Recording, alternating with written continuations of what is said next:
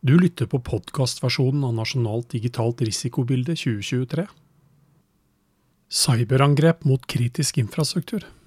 Kan det skje i Norge? Cyberangrep mot kritisk infrastruktur i energi- eller petroleumssektoren kan medføre samfunnskonsekvenser som strømutfall eller stans i gassleveranser. Når Norge nå er en kritisk gassleverandør til Europa, bør scenarioet være dimensjonerende for sikkerhetsarbeidet i sektoren. Ukraina har blitt utsatt for det gjentatte ganger. I 2015, 2016 og sist i februar 2023. I februar førte angrepet mot energisystemer til strømutfall i store områder. Løsepengeangrepet mot Colonial Pipeline i USA i 2021 medførte større samfunnskonsekvenser da distribusjonen av drivstoff stanset opp.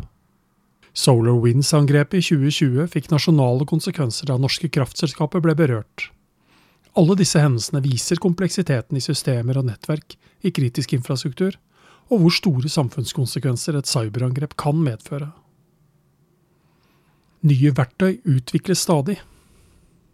Trusselaktørene utvikler kontinuerlig sine metoder og verktøy. De siste årene er det avdekket cyberverktøy som er tilpasningsdyktige til styre- og kontrollsystemer som brukes i flere sektorer, også i Norge. Vi må øke motstandsdyktigheten og implementere robusthet i hele livssyklusen til digitale systemer som anvendes i kritisk infrastruktur. Bare slik kan vi opprettholde driften og sikre kraftforsyning og energisikkerhet. Spesielt risikoutsatt er angrepsflatene som kritisk infrastruktur har mot internetteksponerte tjenester. Denne angrepsflaten er det kritisk å sikre for å ikke bli utsatt for spionasje og sabotasje som kan forstyrre energiforsyningen av gass til Europa eller kraftforsyningen nasjonalt. Norsk sokkel, en kritisk gassleverandør. Det meste av norsk gass eksporteres i flere tusen kilometer med rørledninger til Europa. Etter Nord Stream-sabotasjen i Østersjøen i september 2022 ble norsk sokkel raskt en kritisk gassleverandør til Europa.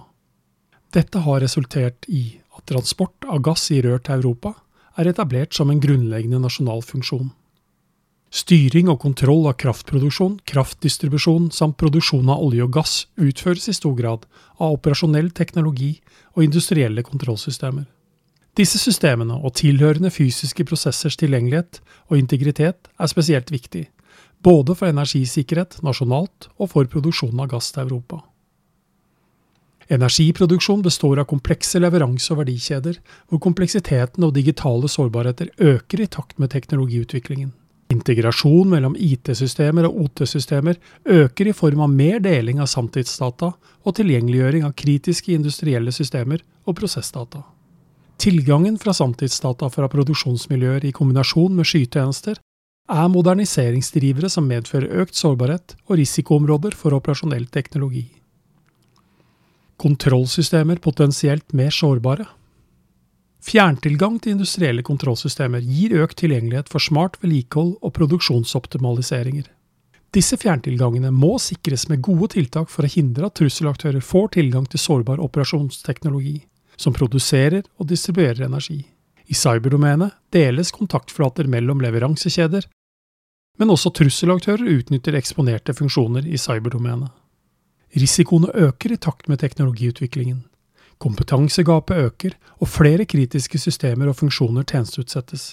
Dette medfører økt leveranseavhengighet til eksterne OT-leverandører som innehar ekspertise og kompetanse på industrielle systemer som inngår i kritisk infrastruktur. Kompleksitet og motstandskraft. For å sikre nasjonen mot fremtidens digitale risikobilde og risiko, må motstandskraften økes.